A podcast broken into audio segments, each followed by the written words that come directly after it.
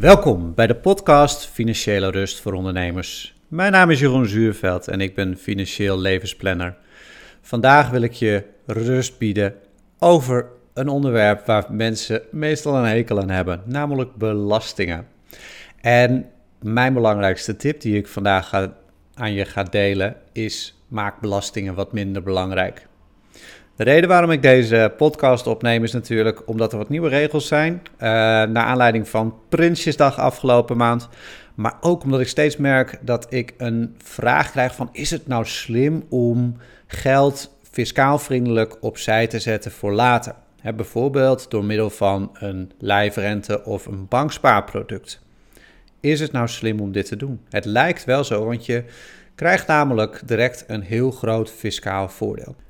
Het voordeel van een lijfrente is dat je namelijk jaarlijks, afhankelijk van de winst die je maakt, een deel van je geld bruto mag inbrengen in zo'n lijfrente of bankspaarpolis.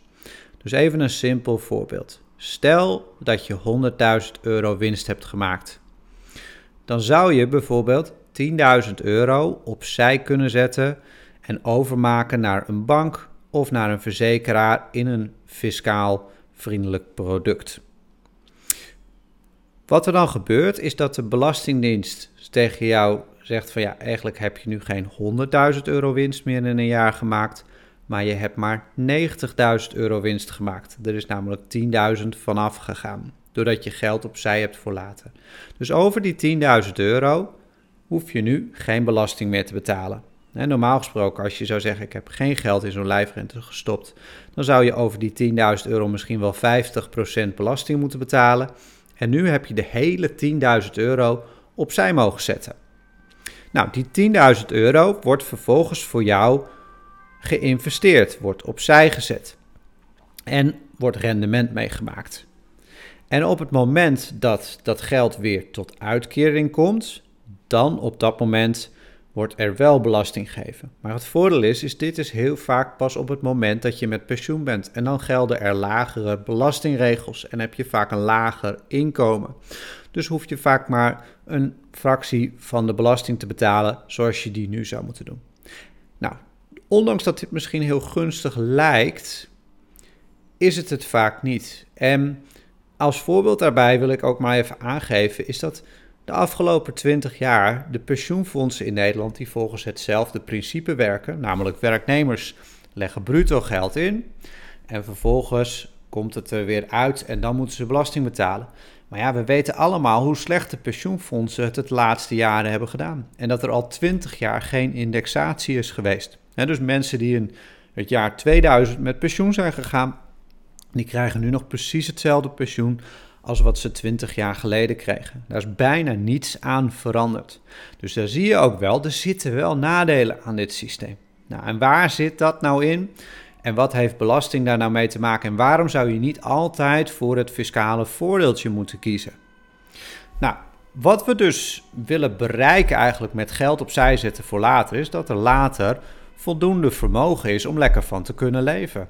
wat je dus af kan vragen bij de pensionado's die eigenlijk een pensioen hebben wat maar niet geïndexeerd wordt. Dus we willen geld opzij zetten voor later. En het, wat je dat het eigenlijk belangrijk is, is als je geld opzij zet voor later, is natuurlijk dat daar rendement over gemaakt wordt. want hoe meer rendement je maakt over het geld wat je hebt, des te meer pensioen je hebt. stel dat je nu 1000 euro opzij zet en ieder jaar heb je daar, ik noem maar iets, 10% rendement over dan is er natuurlijk over 10 of 20 jaar veel meer geld om weer uit te delen dan dat je geen 10%, maar 5% of 2% rendement hebt. Dus rendement is daarin eigenlijk alles. Bij rendement is er ook altijd wel weer een prijs te betalen, maar daar ga ik in een latere podcast nog wel een keer op terugkomen. Waar het vooral om gaat, is dat, het, dat je uiteindelijk rendement wil maken. En het grote probleem wat ik heel vaak zie, is op het moment dat mensen uh, fiscaal vriendelijke producten kiezen, is dat uiteindelijk het rendement heel laag is. Dus dat je wel een belastingvoordeel hebt, maar dat er uiteindelijk toch minder uitkomt doordat het rendement lager is. Nou, hoe zit dat nou? eigenlijk als je geld opzij zet voor later, dan wat er belangrijk is, is het bruto rendement en het netto rendement. Het bruto rendement is bijvoorbeeld bij sparen de rente die je ontvangt. Of bij beleggen ehm, de vermogensgroei van je aandelen of de stijging van de vastgoedportefeuille die je hebt. Dat is het bruto rendement. En bij aandelen uh, krijg je dan ook nog vaak dividend. En als je vastgoed hebt, dan ontvang je huur. dus al die dingen, dat is het bruto rendement. Nou, wat je daarvan af moet halen om te komen tot je werkelijke rendement, het netto rendement, is de vermogenskosten. Dus bijvoorbeeld bij aandelen heb je vaak een vermogensbeheerder die geld vraagt over de waarde die er voor jou belegd wordt. En bijvoorbeeld ehm, als je natuurlijk iets verhuurt, dan heb je misschien ook kosten zeg maar, om je pand te onderhouden. dat zijn alle vermogenskosten. En die moeten natuurlijk van die bruto ehm, ja, rendement worden afgehaald. Nou, en dan de tweede stap is, is dat je het belastingdruk eraf haalt. dus dat maakt natuurlijk dat je netto rendement lager wordt. Dus even een simpel voorbeeld. Het bruto rendement op aandelen over de laatste jaren was rond de 9% gemiddeld. Nou, stel dat je daar 1% vermogenskosten van afhaalt en 2% vermogensbelasting, dan hou je nog 6% netto rendement over. Nou, het punt is, is dat op het moment dat je natuurlijk gebruik maakt van een fiscaal vriendelijke optie, dan hoef je misschien niet die 2% belasting te betalen. Maar op het moment natuurlijk dat het rendement, het bruto rendement ook lager wordt, of dat de kosten hoger worden, kan het soms dus gunstiger zijn om toch belasting te betalen. Het gaat uiteindelijk om het netto rendement. Nou, wat is nou verstandig om te doen? Wanneer moet je nou uh, gebruik maken van een fiscale optie en wanneer moet je dat niet doen? Nou, in de basis eigenlijk door eerst aan iets heel anders te denken. Er is namelijk een heel groot nadeel van fiscaal vriendelijke opties. En dat is dat als je nu daar geld inlegt, dat het vaak pas over hele lange tijd weer beschikbaar is. En dat heeft te maken met het tweede waarom er in Nederland belastingen zijn. De eerste reden is namelijk omdat onze overheid natuurlijk geld nodig heeft om alle sociale instanties in, stand te houden. Maar het tweede is ook omdat ze met belasting ons proberen te sturen. Hè, dus uh, voorbeelden daarvan is bijvoorbeeld um, de belastingvoordelen die je op dit moment ziet bij energiebesparing. Denk hierbij bijvoorbeeld aanschaf van een warmtepomp, um, elektrische auto's. Nou, dat soort dingen, daar krijg je allemaal belastingvoordeel. En daarmee probeert onze overheid ons te sturen om dit soort dingen te kopen. Dus belasting kan zijn om juist te sturen om iets te kopen of juist om iets te niet te kopen. Denk aan de belasting hierbij op uh, tabak of alcohol. Nou, wat de overheid afgelopen maand ook heeft laten zien, is dat wat ze voornamelijk ook willen doen, is bijvoorbeeld uh, schijnzelfstandigheid aanpakken. Hè. Dat wordt bijvoorbeeld gedaan door de versnelde aftrek van de zelfstandige aftrek. Um, maar ook bijvoorbeeld worden eigenlijk beheerders en eigenaren van tweede woningen aangepakt. Want het hebben van een tweede woning en het verhuren van een tweede woning wordt veel minder interessant gemaakt. Dat heeft voornamelijk te maken met hogere overdrachtsbelasting voor mensen die een huis willen verhuren. En um, ook de waarde van de woning die wordt fiscaal gezien hoger, waardoor ze ook meer belasting daarover moeten gaan betalen. Dus daarmee probeert onze overheid ook te sturen. dus over het algemeen wat er gebeurt is dat uh, de trend die gezet is afgelopen maand met Prinsjesdag, is dat voornamelijk mensen die een hoger inkomen en een hoger vermogen hebben, die moeten meer belasting gaan betalen. En ja, je kan natuurlijk inderdaad gaan kiezen om je hierdoor te laten leiden, hè, door bepaalde keuzes te maken. En ik zal zo meteen ook een voorbeeld aangeven hoe we daarin uh, gestuurd worden deels.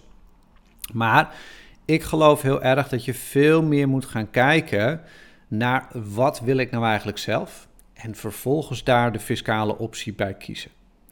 Want een van de dingen wat onze overheid namelijk wil, is dat we langer werken. En wat ze dus gedaan hebben, is dat de vermogensbelasting behoorlijk gaat toenemen. Dus het wordt eigenlijk minder interessant om bijvoorbeeld zelf te gaan beleggen.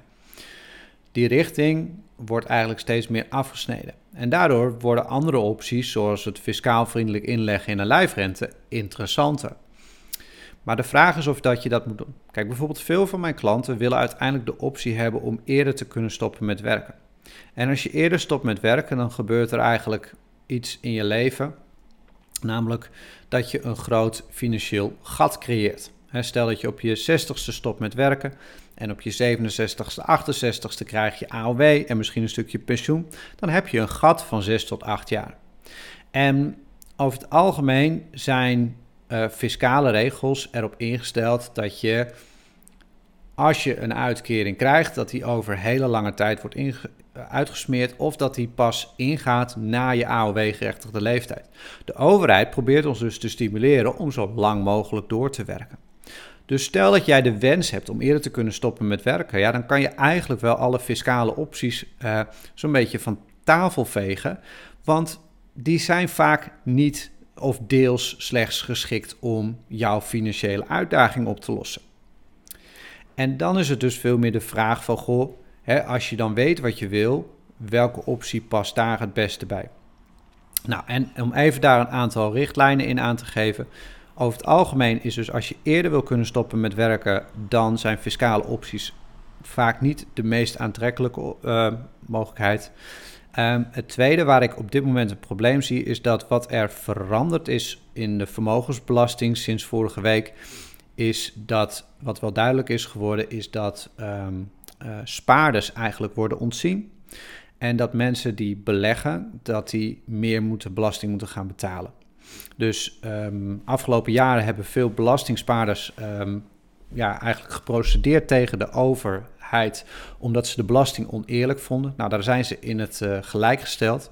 En dat heeft ertoe geleid dat als je nou, in de toekomst gaat sparen, dat je eigenlijk ja, niet of nauwelijks belasting hoeft te betalen. En dat lijkt natuurlijk leuk, maar de keerzijde is natuurlijk dat sparen um, ja, last heeft van inflatierisico en dat je geld steeds minder waard wordt. Dus ook hier is heel erg de vraag van ja, wat is eigenlijk slechter? Is het slechter om belasting te gaan betalen of dat je je geld nou ja, laat sparen en vervolgens laat verdwijnen doordat de koopkracht steeds verder achteruit holt? Dus wat is nou, um, als je kijkt naar beleggen, um, het probleem met belasting en wat zou je daartegen kunnen doen? Nou, wat er eigenlijk gebeurd is, is dat als je kijkt naar de vermogensbelasting, dan wordt er straks op alle soorten vermogen wordt hetzelfde rendement gehanteerd. En dit is een, wel een tijdelijke regeling, want vanaf 2026 verwachten ze dat ze het werkelijke rendement gaan belasten. Maar het zou nog kunnen zijn, denk ik, dat het huidige systematiek die tot 2026 geldt, dat die voor deels voortgezet gaat worden. Wat er simpelweg gebeurt, is dat ongeacht wat voor vermogen je hebt, of dat je nou vastgoed of aandelen of obligaties of een combinatie hebt, wordt er van uitgegaan dat je een bepaald rendement haalt. In dit jaar is dat 5,5%. En dat terwijl de beurzen allemaal in de min staan. Dus dat maakt niet uit. De overheid zegt gewoon: je hebt 5,5% rendement gemaakt. En daarover heffen wij een tarief van 31%, wat gaat oplopen de komende jaren naar 34% belasting. Dus je betaalt effectief over je vermogen tussen de 1,7 en 1,9 procent belasting. En dat is best wel uh, ja, gek, raar. Um, en met name bijvoorbeeld voor vastgoedinvesteerders ook zeker uh, niet heel erg interessant. Want bij vastgoed zie je heel vaak dat het geld vaak in het vastgoed zit. En als zij 1,8, 1,9% belasting moeten gaan betalen, betekent dat eigenlijk dat ze een heel groot deel van de huur in één keer naar de Belastingdienst kunnen overmaken. Dus wat is nou het, het nadeel van dit systeem? Dat is eigenlijk dat uh, investeringen met uh, een laag rendement, dus bijvoorbeeld als jij neutrale of defensieve beleggingsportfolio's hebben, waar dus een relatief laag rendement op zit, daar moet je toch, ondanks wat, uh, dat het rendement misschien tegenvalt, moet je toch die 1,8, 1,9% belasting gaan betalen.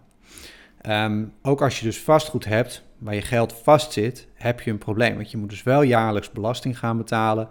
Maar ja, je geld zit vaak vast, dus je moet het vaak ergens anders vandaan zien te halen.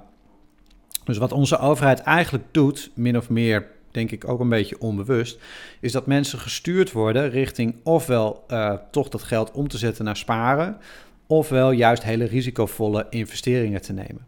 En dat is soms lang niet altijd wenselijk als je kijkt naar de doelen die mensen willen behalen. Dus mocht je dit soort portefeuilles hebben, nou, neem dan eens een keer contact met mij op en dan ga, kan ik iets dieper op ingaan om te kijken wat er voor jou goed werkt. Um, als je ook nog eens wil weten van hè, hoe kan ik nou uh, eerder stoppen met werken en welke stappen zou je daarin volgen, dan kan je eens op mijn website kijken www.financieellevensblender.nl. Er staat een gratis e-book en daarin leg ik je uit hoe en welke stappen je dat kan realiseren. Nou, ik hoop dat dit nuttig voor je was en dat ik je de volgende keer weer spreek.